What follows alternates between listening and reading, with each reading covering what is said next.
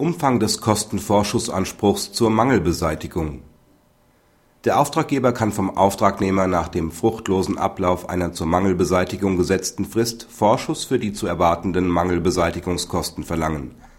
Teil dieses Anspruchs sind auch Unterbringungs - und Verpflegungsmehrkosten.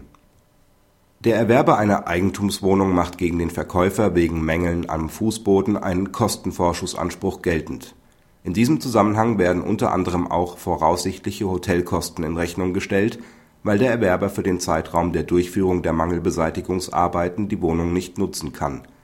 Das OLG folgt dem entsprechenden Antrag des Erwerbers und spricht diesem auch hinsichtlich der Hotelkosten einen Kostenvorschussanspruch zu.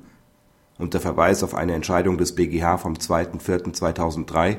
in der der BGH Hotelkosten als ersatzfähigen Schaden angesehen hat, qualifiziert das OLG Köln die Unterbringungskosten als erstattungsfähige Mangelbeseitigungskosten, die daher auch Gegenstand eines Kostenvorschussanspruchs sein können. Kritik Die Entscheidung des OLG ist auf den ersten Blick nachvollziehbar, enthält jedoch einen systematischen Fehler. Zwar hat der BGH Unterbringungskosten mit der oben zitierten Entscheidung als erstattungsfähigen Schaden angesehen, ist bei dieser Feststellung jedoch von einer anderen Anspruchsgrundlage ausgegangen Damals ist zu beurteilen gewesen, ob Hotelkosten im Rahmen des verschuldensabhängigen Schadensersatzanspruchs geltend gemacht werden konnten. Dies hat der BGH zutreffend bejaht. Daraus resultiert jedoch nicht, dass diese Kosten auch im Rahmen des vorgelagerten Kostenvorschussanspruchs geltend gemacht werden können.